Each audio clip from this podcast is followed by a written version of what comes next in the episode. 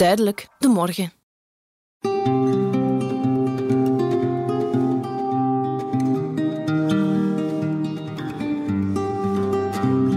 Als kleine kinderen leren en vooral voelen we al heel snel wat angst is. Een ongemakkelijk gevoel dat je bekruipt en zelfs doet verstijven omdat je je op een of andere manier bedreigd voelt. Uiteraard was dat ook zo in mijn kindertijd, maar toen ik dik tien jaar geleden instortte, kwam er een angst om de hoek kijken die ik nog niet eerder had ervaren. Het was een angst die er vrijwel constant was en die meer en meer mijn leven begon te beheersen. Het ging zelfs zo ver dat ik door die angst bepaalde dingen niet meer deed of zoveel mogelijk vermeed.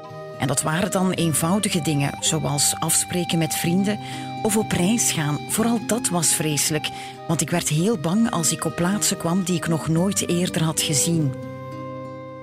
En dat was allemaal begonnen op 1 juli 2008.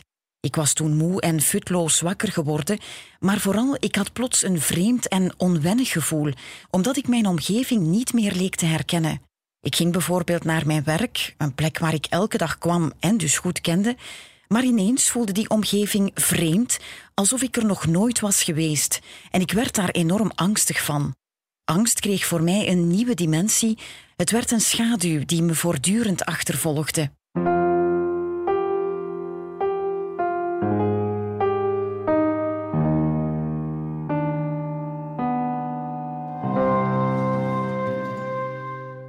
In deze podcastreeks ga ik met psychiater Piet Nijs op zoek naar de juiste diagnose van mijn symptomen. Intussen weten we al dat ik geen burn-out had, ook niet depressief was en geen borderline persoon ben.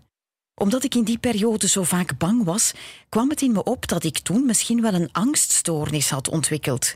Mijn nieuwe vraag aan psychiater Piet Nijs was dan ook of ik een angststoornis heb gehad. Wel, vooraleer daarop te antwoorden, moet ik toch wel zeggen dat de meeste mensen bijna altijd angst hebben als het over angst gaat, terwijl angst, juist zoals pijn, een onmisbare beschermengel is. Pijn is de beschermengel die waakt over onze lichamelijke gezondheid als die beschadigd zou worden of bedreigd. En angst is ook de beschermengel die erover waakt en ons waarschuwt wanneer ons ik bedreigd wordt in zijn vrije ontplooiing, in zijn vrijheid. Dus angst en pijn zijn nodig. Zijn nodig. Zijn onmisbare gezellen doorheen ons ganse leven. Maar de moeilijkheid is wel dat de angst als gezel toch wel een merkwaardige gezel is die nogal een loopje met ons kan nemen. En dan duidt je al op een angststoornis, dat het dus eigenlijk te ver kan gaan. Ja, het kan inderdaad misgaan. En wanneer is angst een stoornis? En angst is maar een stoornis wanneer het het dagelijkse leven verstoort. In ons werken, waar we niet meer aandachtig geconcentreerd kunnen met het werk bezig zijn, maar afgeleid worden door angstgedachten of voorstellingen, maar niet alleen in het werk, maar ook in ons sociaal leven, in de omgang, in het samenleven met anderen. Als daar onze angstvoorstellingen ons zo geregeld of langdurig in beslag nemen, zijn we uiteraard niet meer goed aanwezig, zorgzaam voor de medemens. Zo had ik het nog nooit bekeken. Angst en pijn zijn eigenlijk positieve dingen in ons leven, zelfs beschermengelen, zoals Piet ze noemde. Want inderdaad, als ik pijn ervaar, dan maakt mijn lichaam erop attent dat er een lichamelijke bedreiging is en dat ik moet ingrijpen. Maar dat is dus ook zo bij angst. Dan krijg ik de waarschuwing dat mijn ik, dus mijn identiteit, bedreigd wordt in haar vrijheid en dat ik mij dus niet meer vrij kan bewegen. Omgekeerd is het ook zo dat angst onnodig kan optreden en het zelf die persoonlijke vrijheid aan banden legt. Op dat moment beschermt de angst mij niet meer, maar engt hij mijn leven in. Angst wordt dan eng. Na dit gehoord te hebben, moest ik meteen denken aan de coronatijden. Er zijn nu toch mensen die hun vrijheid laten inperken door de corona-angst en die dus gestoord worden door die angst. De coronatijden zijn een prachtig voorbeeld van angst als gezel of angst als verstoorder. Bijvoorbeeld? De coronapandemie is inderdaad een gebeuren dat terecht extra grote maatregelen en voorzorgen vraagt om veilig in leven te blijven en veilig verder te kunnen leven. Dus dan bedoelt je afstand houden, mondmasker dragen, handen geregeld wassen, dat, dat dat aan ons gevraagd wordt eigenlijk om niet besmet te raken, hè? Wel, dat maakt het juist duidelijk. Als we ons veilig gedragen en de maatregelen nemen om ons te beschermen en tegen de bedreiging van corona, dat zowel onze lichamelijke als geestelijke gezondheid en vrije ontwikkeling ernstig, langdurig of levensgevaarlijk kan bedreigen. Als we de maatregelen nemen, dan gedragen we ons met voorzorg voor het coronagevaar, maar zijn we niet angstig als we ons veilig in het verkeer gedragen, zijn we niet angstig voor het verkeer en gaan ons niet opsluiten in de huiskamer. Maar begrijp ik het dan goed dat je nu zegt van als je je voorzorgen neemt, in het geval van corona, of als je veilig rijdt, in het geval van hè, in het verkeer, dan moet je eigenlijk je angst volledig loslaten. Inderdaad. En toch ken ik mensen die nu dus tijdens corona zich houden aan alle maatregelen, maar die toch ongelooflijk angstig blijven.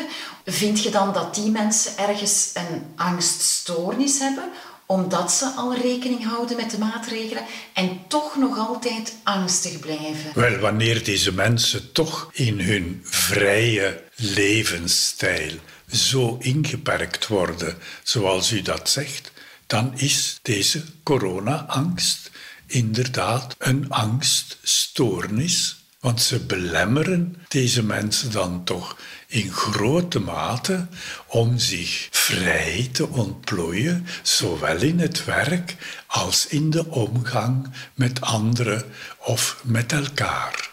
We mogen ook niet vergeten als een mediacultuur gericht is op sensatie en succes, dat daar in sensationele berichten zeker de prikkel, om niet te zeggen de griezel van de angstsensatie een belangrijke rol speelt, waar sommige mensen misschien veel angstiger, gevoeliger gaan op antwoorden dan anderen. Want het zijn voorstellingen. Het zijn voorstellingen. De werkelijkheid bijt niet.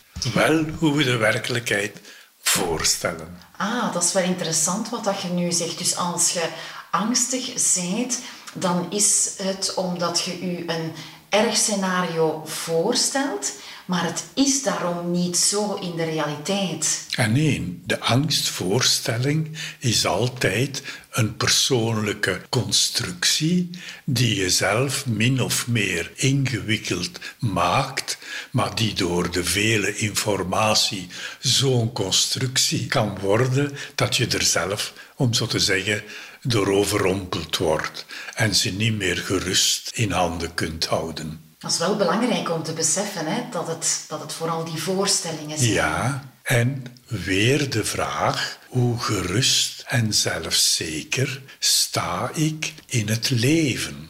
Want vrij zich ontwikkelen, zich ontplooien, wil zeggen zijn eigen levensspel spelen binnen de grenzen, binnen de beperkingen die er altijd zijn. En die nu met de corona heel sterk schijnbaar zijn geworden. Wat Piet zei over die voorstellingen was voor mij een echte eye-opener.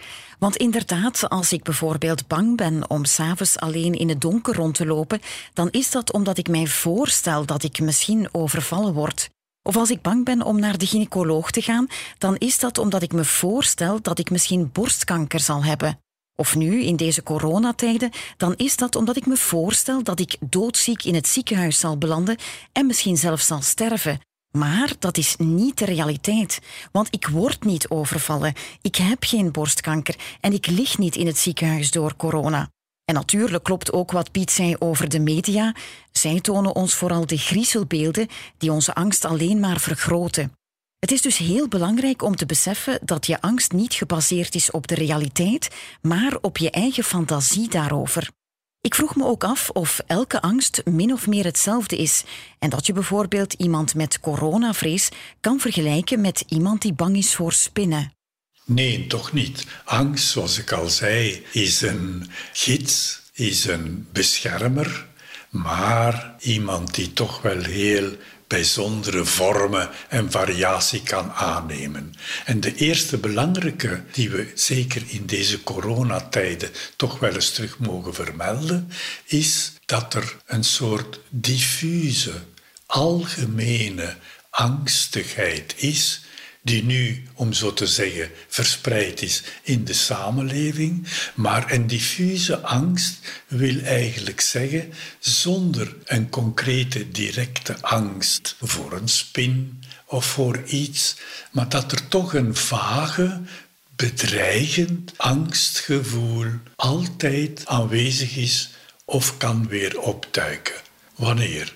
Misschien gaat er een ongeval gebeuren Oh, het gaat ons zo goed. Daar gaat ons zeker iets over komen. Ah ja, het noodlot gaat toeslaan hè, als het goed gaat. Ja. ja. Dit is een diffuse angstigheid die natuurlijk ons zenuwstelsel ook belast en in alarm brengt en een aantal schakelstoffen op gang brengt, waardoor ons hele lichaam in vlucht of vechtreactie komt. Hartkloppingen, beven, transpiratie, klamme handen, de maagdarm, eh, moeilijkheden, diarree, spijsvertering die niet meer werkt, slecht slapen, noem maar op, niet zich gerust kunnen te slapen leggen vanuit de diffuse angstigheid en onrust die over ons aanwezig is.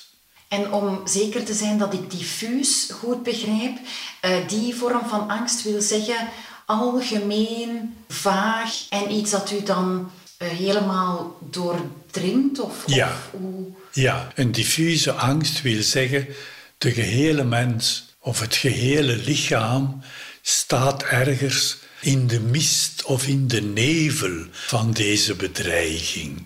En de ene reageert meer zo, de andere misschien op een andere terrein, maar diffuus wil zeggen veralgemeend, verspreid en doordringt eigenlijk de hele levensstijl en stoort dan ook want levenskunst is juist toch veilig, vrij, zeker te leven te midden van onzekerheden.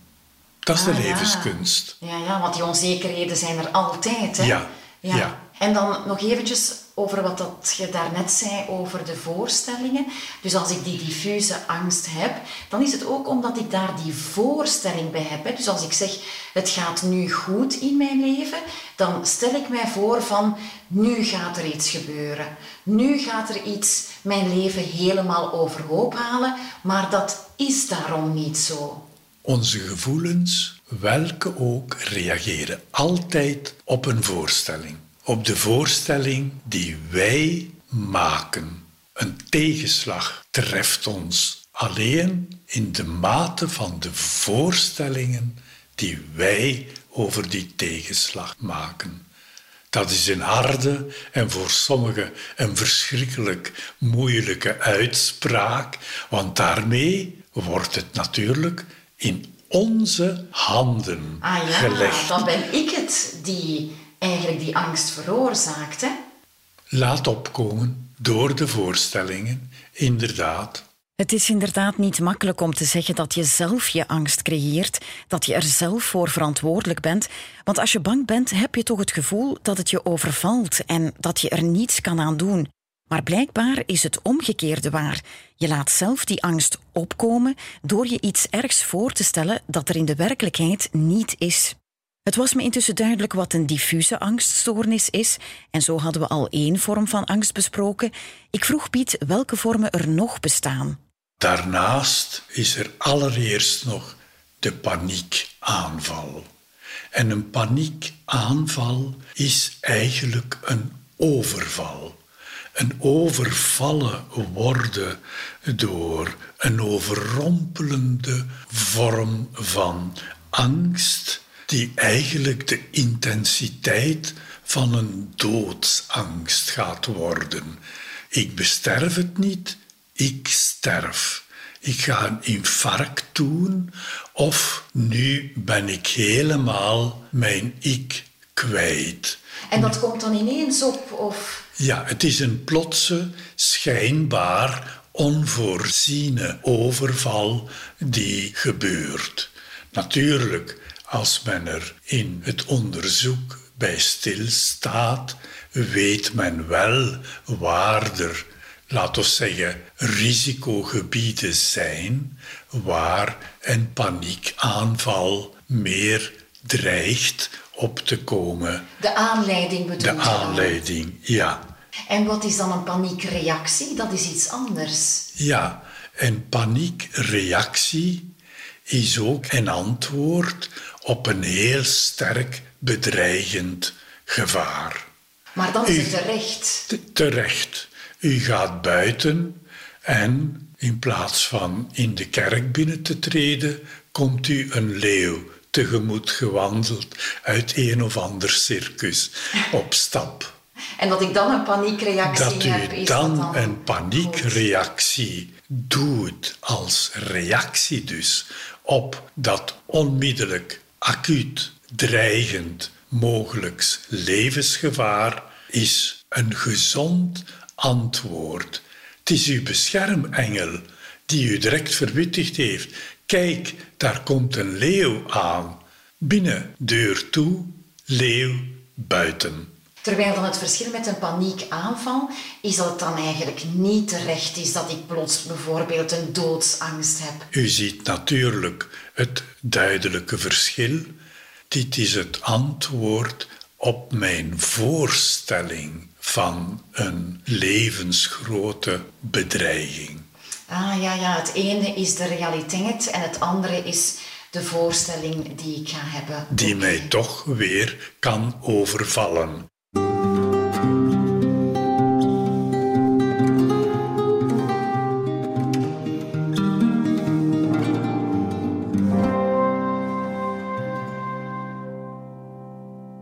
Er is dus een duidelijk onderscheid tussen een paniekaanval en een paniekreactie.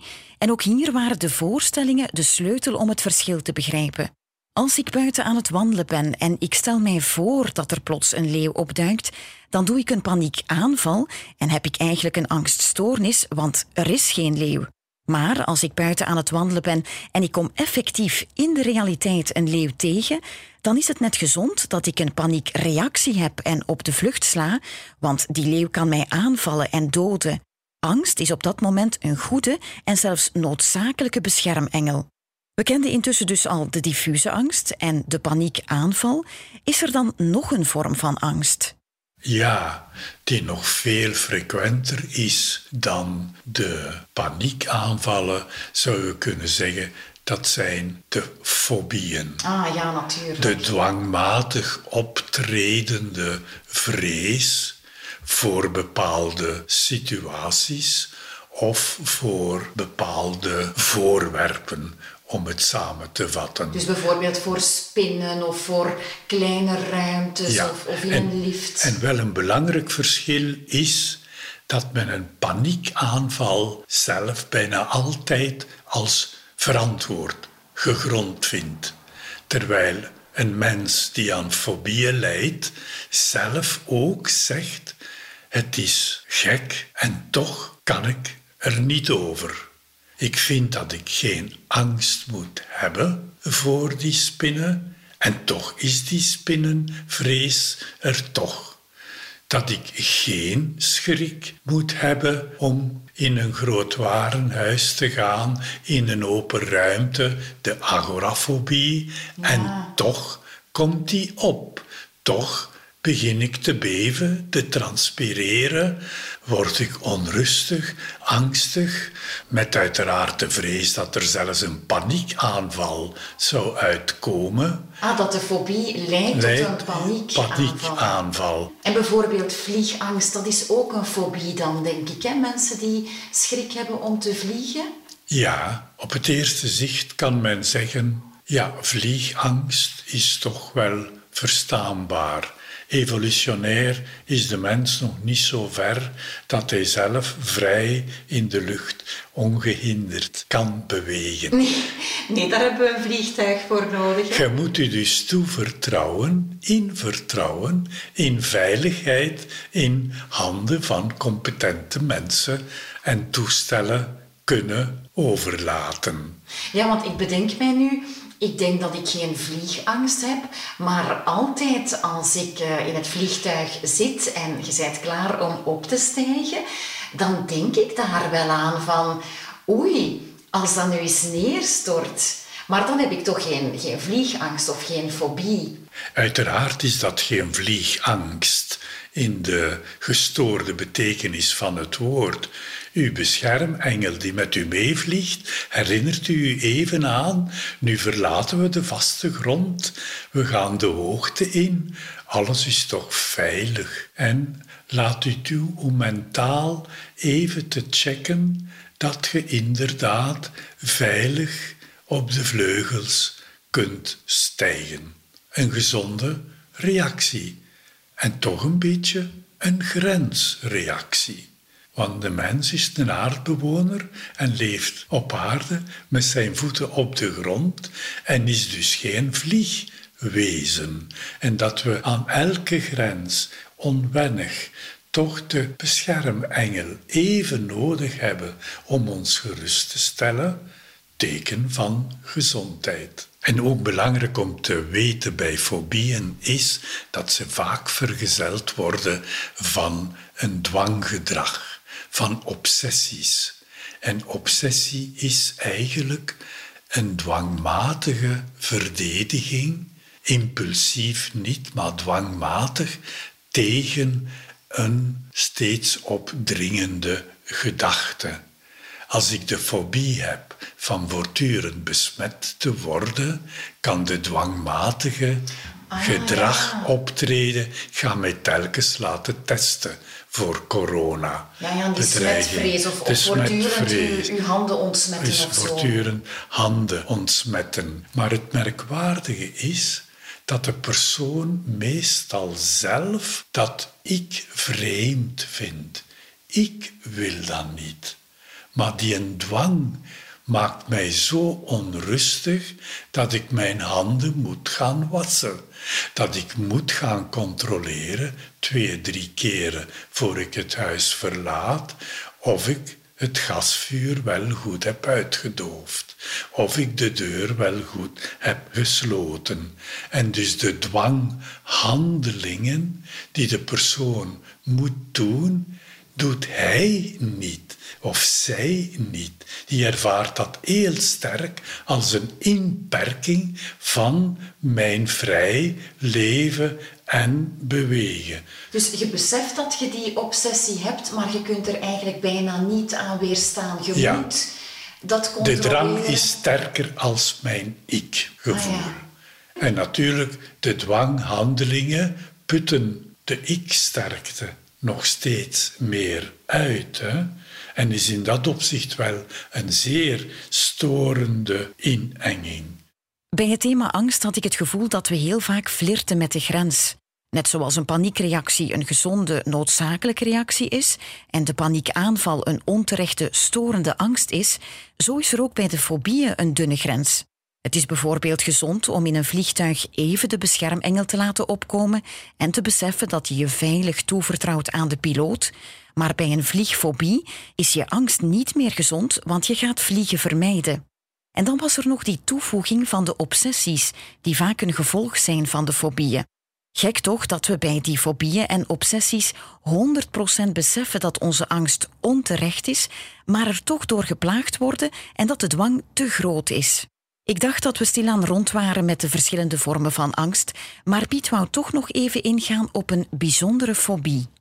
Ik wil toch nog even stilstaan bij de sociale fobie, die eigenlijk samengevat wordt door de voorstelling welk figuur sla ik weer. Maar we zitten eigenlijk nog wel binnen de fobieën. Maar het is een fobie. En dat wil zeggen een dwangmatig optredende vrees om in gezelschap te zijn. Terwijl de mens eigenlijk een gezelschapdier is die gezelligheid opzoekt en in de nabijheid van anderen maar goed in zijn element is, wordt die elementaire behoefte, die zo sterk is als behoefte aan zuurstof of voedsel, verhinderd door deze fobie. Maar dat heeft dan toch een enorme impact als je een sociale fobie hebt, want dan kom je niet meer buiten, zou ik dan denken. Ja, het heeft een uiterst grote impact die ook tot ver in het leven kan reiken. Meestal begint het wel door negatieve ervaringen in de jongere leeftijd, waarin er een spijtige beleving is geweest van ik ben te dom of ik ben uitgelachen geworden of ik heb een harde kritiek gekregen of ben ooit met de grond gelijk gemaakt, noem maar op. Beetje vernedering of... Eigenlijk samengevat, mijn zelfwaarde gevoel heeft een ernstige deuk in zijn, om niet te zeggen een knak in zijn groei gekregen. Een minderwaardigheidsgevoel die de mens ook, de jonge mens ook, heel onzeker maakt. Want het begint meestal bij de meisjes tussen 15, 20, 25 jaar. De jongens ook hierin weer wat trager, tussen 20 en 25 jaar. Maar toch met zulke sleutelervaringen die een aanzienlijk vermijdingsgedrag gaan uitlokken. Want het doel van die sociale fobie is natuurlijk die kritische situaties te vermijden. En eigenlijk, het leven is in vele opzichten voortdurend u durven en kunnen en wagen bloot te stellen aan testsituaties. Examens niet alleen, maar ook als je voor een job of een beroep u gaat aanbieden, wordt je, zeker in hun beleving, getest en welk figuur zal ik slaan. Langduriger gevolg is dat zij een job gaan aannemen die ver beneden hun niveau beneden hun talenten en kwaliteiten blijft en uiteraard toch tot frustratie en beroepsontevredenheid zal kunnen leiden.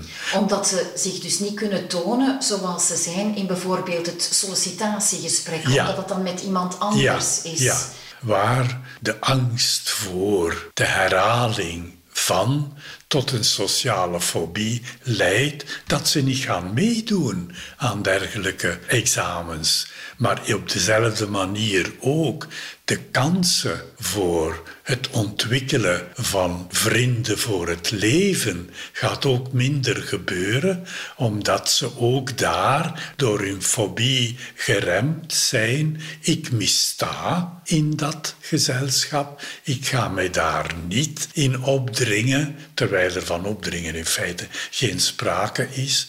En bovendien ook voor de partnerkeuze, en zeker de moderne partnerkeuze, waar niet alleen de reële ontmoeting, maar ook dating sites ah, en zo meer. virtueel een rol spelen, dat ze ook daar samengevat vrezen een belachelijk, onzeker, onaantrekkelijk figuur te slaan. En dus vermijden, zodanig dat het risico geïsoleerd gaat, geïsoleerd gaat leven en eigenlijk een schraler tussenmenselijk leven gaat hebben dan wat de normale verwachtingen zijn.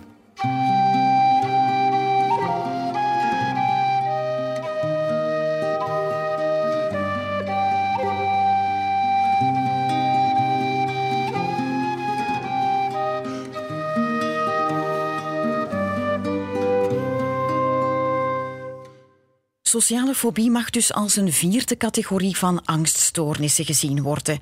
En daar had Piet al enkele oorzaken aangehaald, zoals vernederd of belachelijk gemaakt worden in je jeugd. Het gaat daar dus om testen en pesten. Ik vroeg daarom aan Piet of er bij angst altijd een duidelijke oorzaak te vinden is. Eerst en vooral, het is niet altijd duidelijk welke de oorzaak is van een angststoornis. Maar het gemeenschappelijke van een angststoornis is toch dat het ik ingeengd werd in zijn ontplooiing. Dus elke angststoornis gaat terug op de ervaring dat de vrije ik-ontplooiing gehinderd werd. Maar een voorbeeld is dan misschien als ik claustrofobisch zou zijn, dat ik dan als kind een keer ben opgesloten geweest in een, kleine ruimte. Dat, dat zou kunnen. Dat zou inderdaad kunnen. Het is ook merkwaardig, als we een negatieve ervaring hebben gehad, is een van de verdediging ze verdringen, ze wegdringen, ze vergeten. Terecht herinnert iemand zich als volwassene niet meer dat die negatieve ervaring ooit opgesloten geweest te zijn er nog was.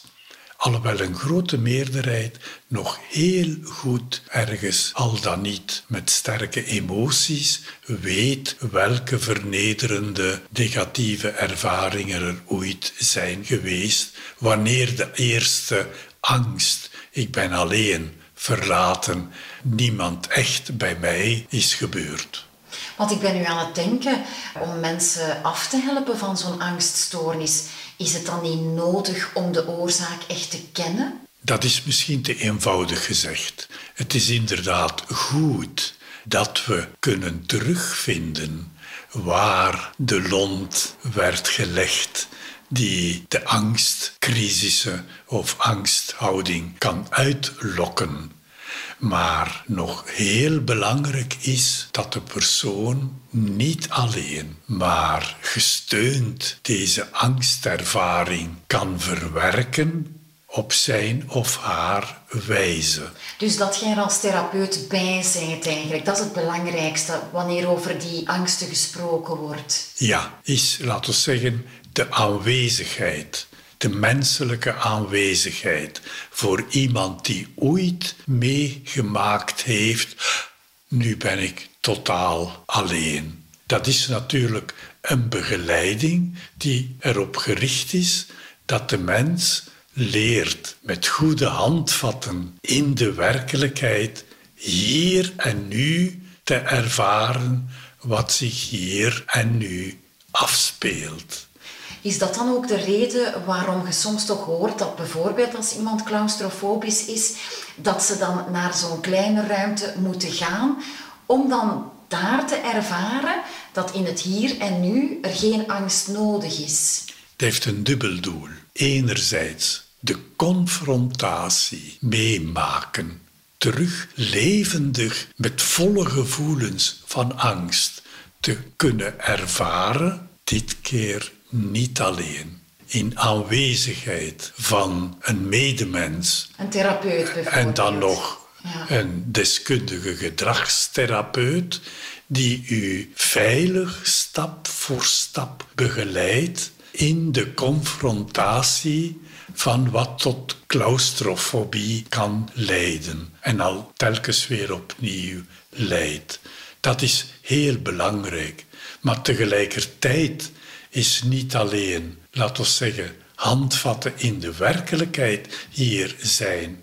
Men blijft ook vaak door uitputting te angstig om goed stelling te kunnen nemen in het hier en nu.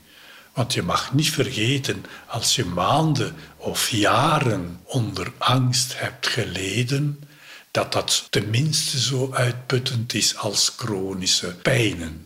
En dat dus in dat opzicht het zenuwstelsel ook een versterkende kuur nodig heeft. Soms met angstwerende antidepressiva of met een beschutting van medicamenten die u weer wat onverschillig maken voor die angstuitlokkende situaties, dat dat een belangrijke rol kan spelen in het herstellen, zodanig dat je terug toegang krijgt tot de vreugdevolle ervaringen op de plek die u nu niet toegankelijk is vanuit de claustrofobie. Dus zoals bij depressie en uh, borderline is het hier toch ook spreken en pillen, als ik het goed begrijp. Hè? Ja, en vooral ook zich anders leren gedragen.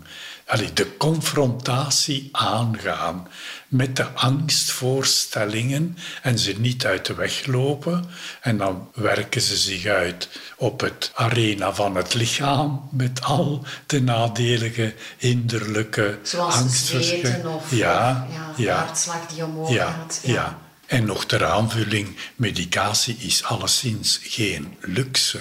Als een medicatie mogelijk is die de neurovegetatieve uitschieters door de angst uitgelokt kan dempen, zodanig dat al de ongemakkelijke reacties van transpireren, hartkloppingen, beven, diarree enzovoorts niet optreden, gaat er veel meer energie beschikbaar zijn en zelfs de elan vital ten goede komen, energie beschikbaar om zich te bevrijden van de wortels van de angst en positieve ervaringen ongestoord te genieten. Dankzij die medicatie kunt je dan je angst overwinnen. En zodra die overwonnen is, kun je je medicatie dan weer afbouwen om het alleen weer aan te kunnen. Ja, en laat intussen ook weer toe om gunstige, positieve ervaringen die ook uw positief zelfvertrouwen steunen terug mogelijk te maken. Dus bijvoorbeeld met die claustrofobie, als ik dan een aantal keer heb ervaren van in die kleine ruimte gebeurt er niks, ik hoef eigenlijk echt niet bang te zijn, gaat mij dat sterken en dat vertrouwen geven. Ja, ja die positieve ervaringen bekrachtigen de goede ontwikkeling en gaan dus de angstcentrum juist remmen in hun werking.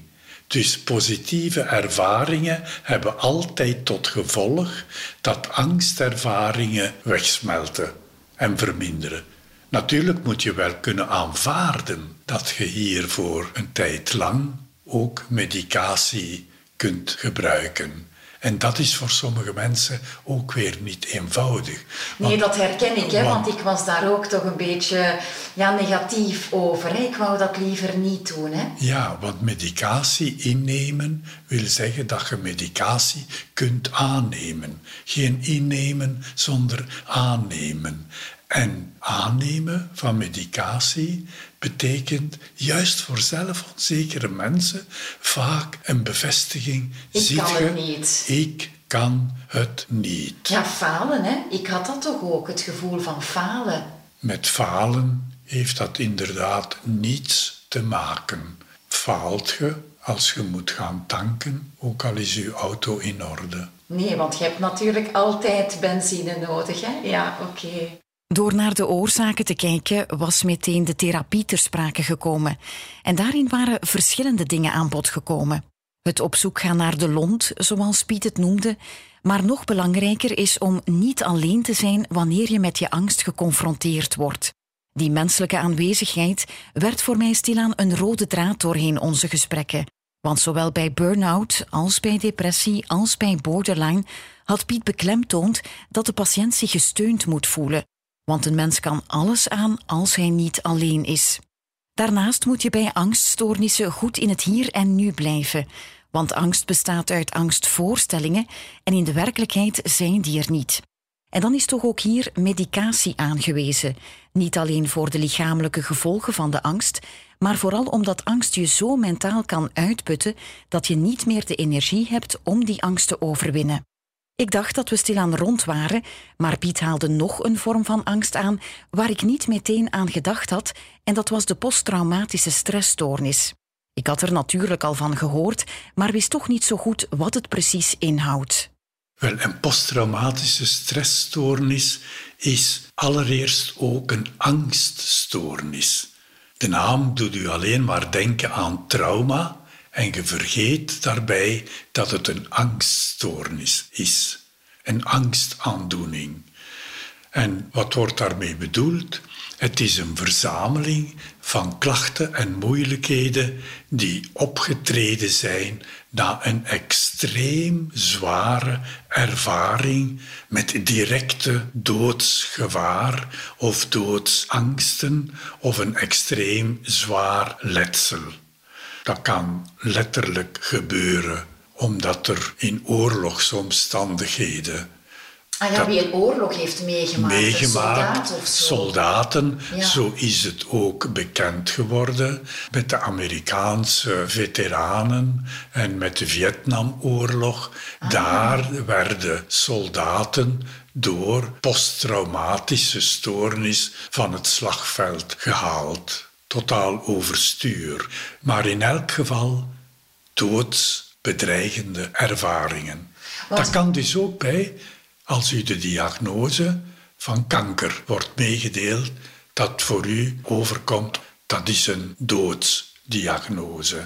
Ah, ook, want ik was nu bijvoorbeeld aan het denken aan de, de terreuraanslagen in Zaventem. De mensen die daarbij waren, hebben die dan ook een posttraumatische stressstoornis? Ja, je moet het niet alleen zelf, het gevaar, moet ik zeggen, de oorlog, de marteling meegemaakt hebben, maar het van dichtbij, bij de familie, bij kennissen, bij vrienden, het van dichtbij meemaken bij medeburgers kan evenzeer tot een dergelijke traumatische ervaring leiden. Maar dat is dan een acute trauma. Elke mens die zulke doodsbedreigende ervaring meemaakt, waar ik wordt uitgeschakeld, is het risico, heeft tenminste één maand nodig, hoe sterk en gezond hij ook is, om dat verbrijzeld ik-gevoel weer bijeen te brengen. En dus sowieso, dus een, een mentaal gezond iemand die zoiets meemaakt, heeft een maand nodig om dat te verwerken. Inderdaad, want je wordt geconfronteerd met een horror met een afschuw, met een hulpeloosheid, met een weerloosheid voor iets wat je zelf alleen niet aan kunt.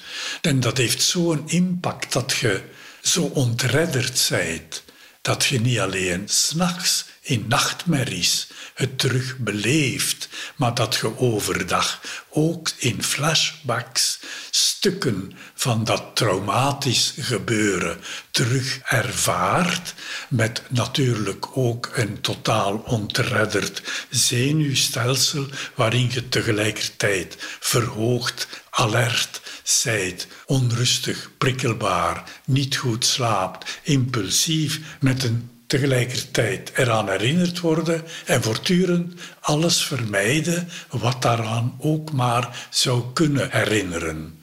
Dus elke gezonde mens heeft tenminste een maand nodig om dat te boven te komen. Zoals een verbrijzeld been ook niet op een week terug een stevig been gegroeid is. En als dat dan na een maand beter is, dan heb je eigenlijk geen posttraumatische stressstoornis. Dan heb je een acute stressreactie. Ah, ja. En wanneer is het dan posttraumatische stressstoornis? Als het meer dan drie maanden toch blijft aanduren en u uiteraard verder uitput, vermits je geen slaapherstel hebt, vermits je dag en nacht met de flashbacks, met de nachtmerries. Met Want je ziet echt die beelden dan altijd terug, zoals in, een, in een droom of ja, nachtmerrie. Ja, en tegelijkertijd heel alert en toch niet efficiënt erbij.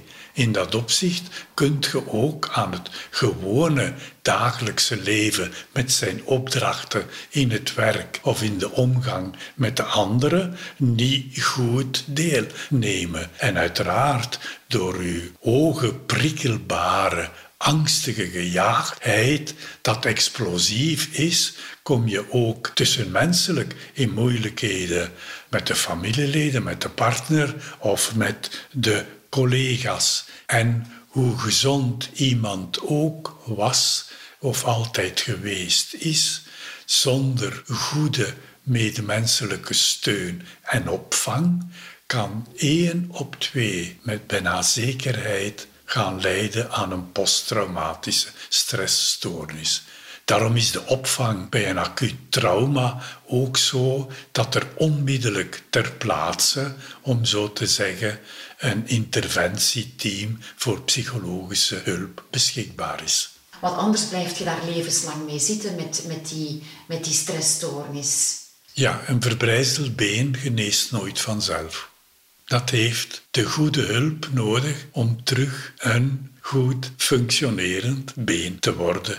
De verbrijzeling van uw ik-gevoel en uw identiteit in een posttraumatische ervaring is van die aard dat je ook daar, in vergelijking gezegd, dezelfde aanwezigheid en steun en waarschijnlijk ook deskundige hulp nodig hebt om die extreme, aan de grens van het leven, emoties te verwerken.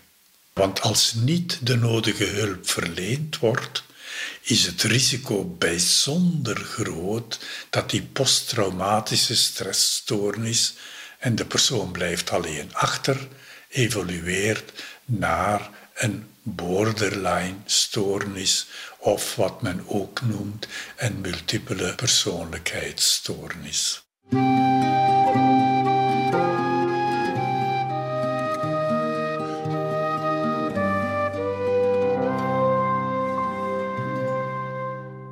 Toen Piet vertelde over de symptomen van een posttraumatische stressstoornis, had ik me al de bedenking gemaakt dat ze verdacht veel leken op de symptomen van borderline. En nu bleek dat zo'n posttraumatische stressstoornis effectief kan uitmonden in borderline als niet tijdig de juiste professionele hulp wordt geboden. Het was ook niet onlogisch, want ook hier werd je geconfronteerd met een zwaar, doodsbedreigend trauma, zoals fysiek geweld, seksueel geweld, terreur.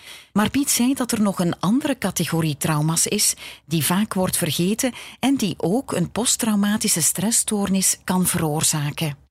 Heel graag wil ik er toch nog aan toevoegen dat het bij posttraumatische stressstoornis niet alleen gaat om de zware trauma's van oorlog, aanranding, geweld, terreuraanslagen, maar dat er hoe langer hoe meer ook de trauma's zijn die samengevat worden onder de noemer van soft trauma's. En waarover gaat het dan? Dan gaat het vooral om traumatische ervaringen in het zogenaamde soft gebied van de gevoelens. En dat wil zeggen in de eerste plaats relationele trauma's. Echtscheiding, breuk in een relatie. En dat kan ook leiden tot een posttraumatische stressstoornis. Ja, en waarom? Eigenlijk vanzelfsprekend. Want de partner is toch de man, de vrouw van mijn leven. En bij die breuk valt dit toekomstig samenlevingsperspectief weg. In dat opzicht is het dus ook een doodsbedreigende ervaring op een heel ander terrein dan een terreuraanslag. Ah, ja.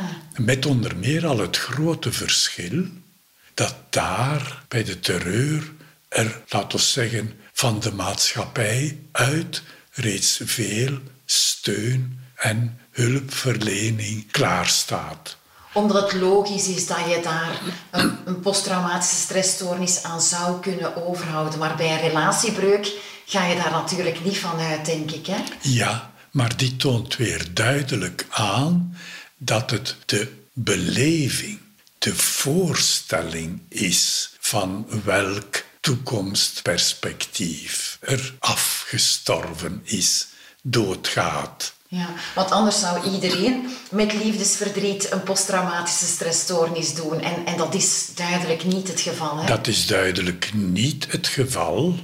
Misschien omdat sommigen heel competent zijn om verdriet en verlies te verwerken. En natuurlijk hoe levensbelangrijk een relatie is, dat is subjectief weer verschillend in functie van de persoon en zijn levenslotgevallen, hoe groot daar de betekenis van het relatieleven is. En therapeutisch gezien gaat je dan ook daarover praten en eventueel medicatie geven? Ja, ik denk ook op therapiegebied is er een, laten we zeggen, duidelijk accentverschil. Terwijl bij de zware posttraumatische stressstoornis door terreur bijvoorbeeld, terreur bijvoorbeeld is voorbijgaand de steun van medicatie bijna onmisbaar. Terwijl hier de verwerking van de beleving de voorstelling waarvan men afscheid moet nemen veel meer een psychologische aangelegenheid is die door gesprek zal moeten uitgeklaard worden. Bij relatiebreuk bedoel je ja, dan, hè? Ja. ja.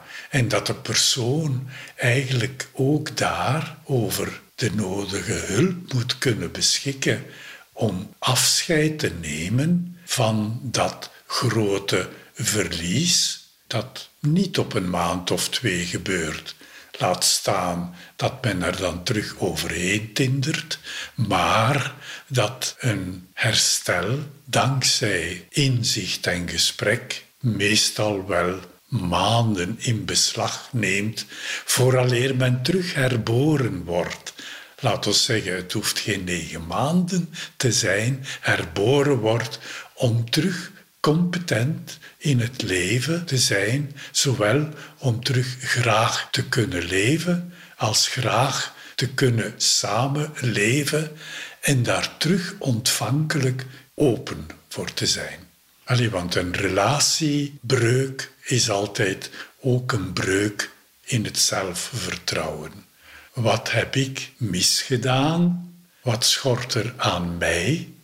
Dat kan zijn dat daar herstelwerk nodig is, maar vooral het herstel in het zelfvertrouwen en de zelfverzekerdheid om zijn verlangen of haar verlangen naar een relatie te kunnen verwerkelijken. De toevoeging van de softtrauma's vond ik heel belangrijk, want we hebben vrijwel allemaal ooit te maken gehad met een relatiebreuk. En inderdaad, je zelfvertrouwen krijgt dan een flinke deuk. Ben ik niet goed genoeg? Wat heb ik verkeerd gedaan? En wat is er mis met mij? Is vaak je eerste reflex. Maar dankzij gesprek kan je dat zelfbeeld weer opkrikken, zodat je opnieuw openstaat voor het leven en voor een nieuwe relatie. We hadden intussen vijf vormen van angst besproken: de diffuse angst, de paniekaanval, de fobieën, de sociale fobie en de posttraumatische stressstoornis, die ik eerlijk gezegd nooit als een angststoornis had gezien, maar duidelijk een belangrijke plaats inneemt. Net zoals in de vorige afleveringen vroeg ik aan Piet of hij het mentaal functioneren van iemand met een angststoornis kon vergelijken met een huis. Ik wist intussen al dat de elektriciteit is uitgevallen in de werkkamer bij een burn-out, dat er geen warmte of elektriciteit meer is in het hele huis bij een depressie en dat bij borderline het huis geraakt is in zijn fundamenten. Ik was benieuwd wat nu zijn antwoord zou zijn. Wel, het antwoord is eenvoudig. In het huis is alles in orde. De bouw, het huis is volledig oké. Maar de alarminstallatie functioneert niet meer behoorlijk. Wanneer het gaat om een diffuse angst, gaat de alarm hier en daar onvoorzien af. En natuurlijk in een huis waar de alarminstallatie grillig begint te loeien, daar kun je toch niet meer ontspannen, gelukzalig wonen. In een paniekaanval gaat de alarm ook weer plots onvoorzien af en zit je weer geconfronteerd met heftige alarmsignalen. En dan tenslotte bij de fobieën wordt de huiselijke vrede ook niet genoten. Men is voortdurend vanuit die fobische ingesteldheid op zoek naar, let op, pas op, is er hier of daar geen gevaar? Zijpelt er geen vocht binnen? Is er geen schimmel aan komen? Sluit de deur wel goed. De sleutel is zoek. Dus let op, pas op. In plaats van die vrijheid en, en te genieten in uw in huis. In de geborgenheid van het huis.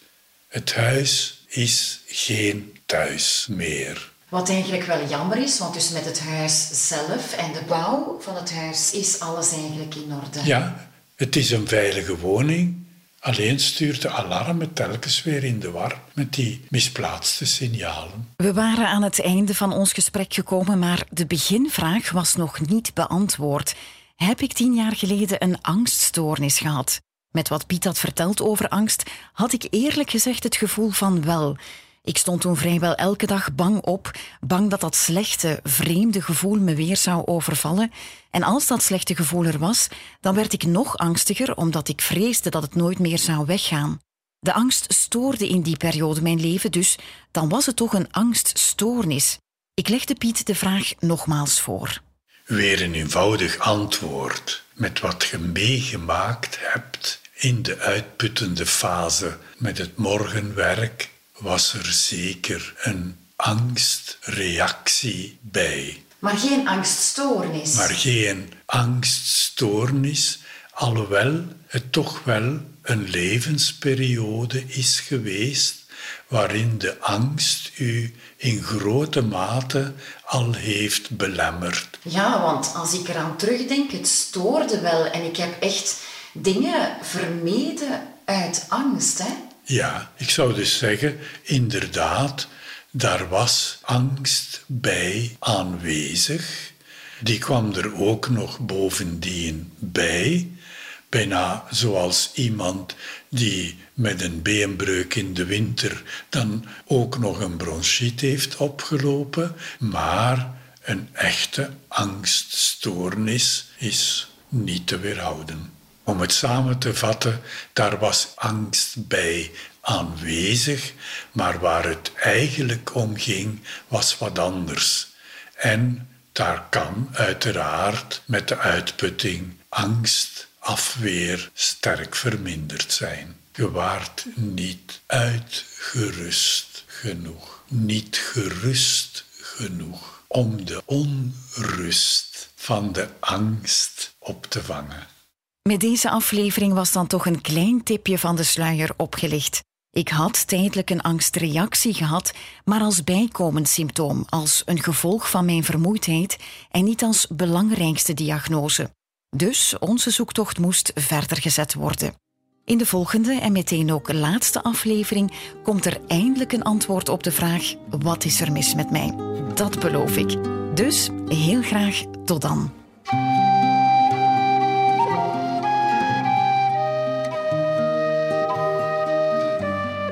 Dit was de vierde aflevering van de podcast Wat is er mis met mij?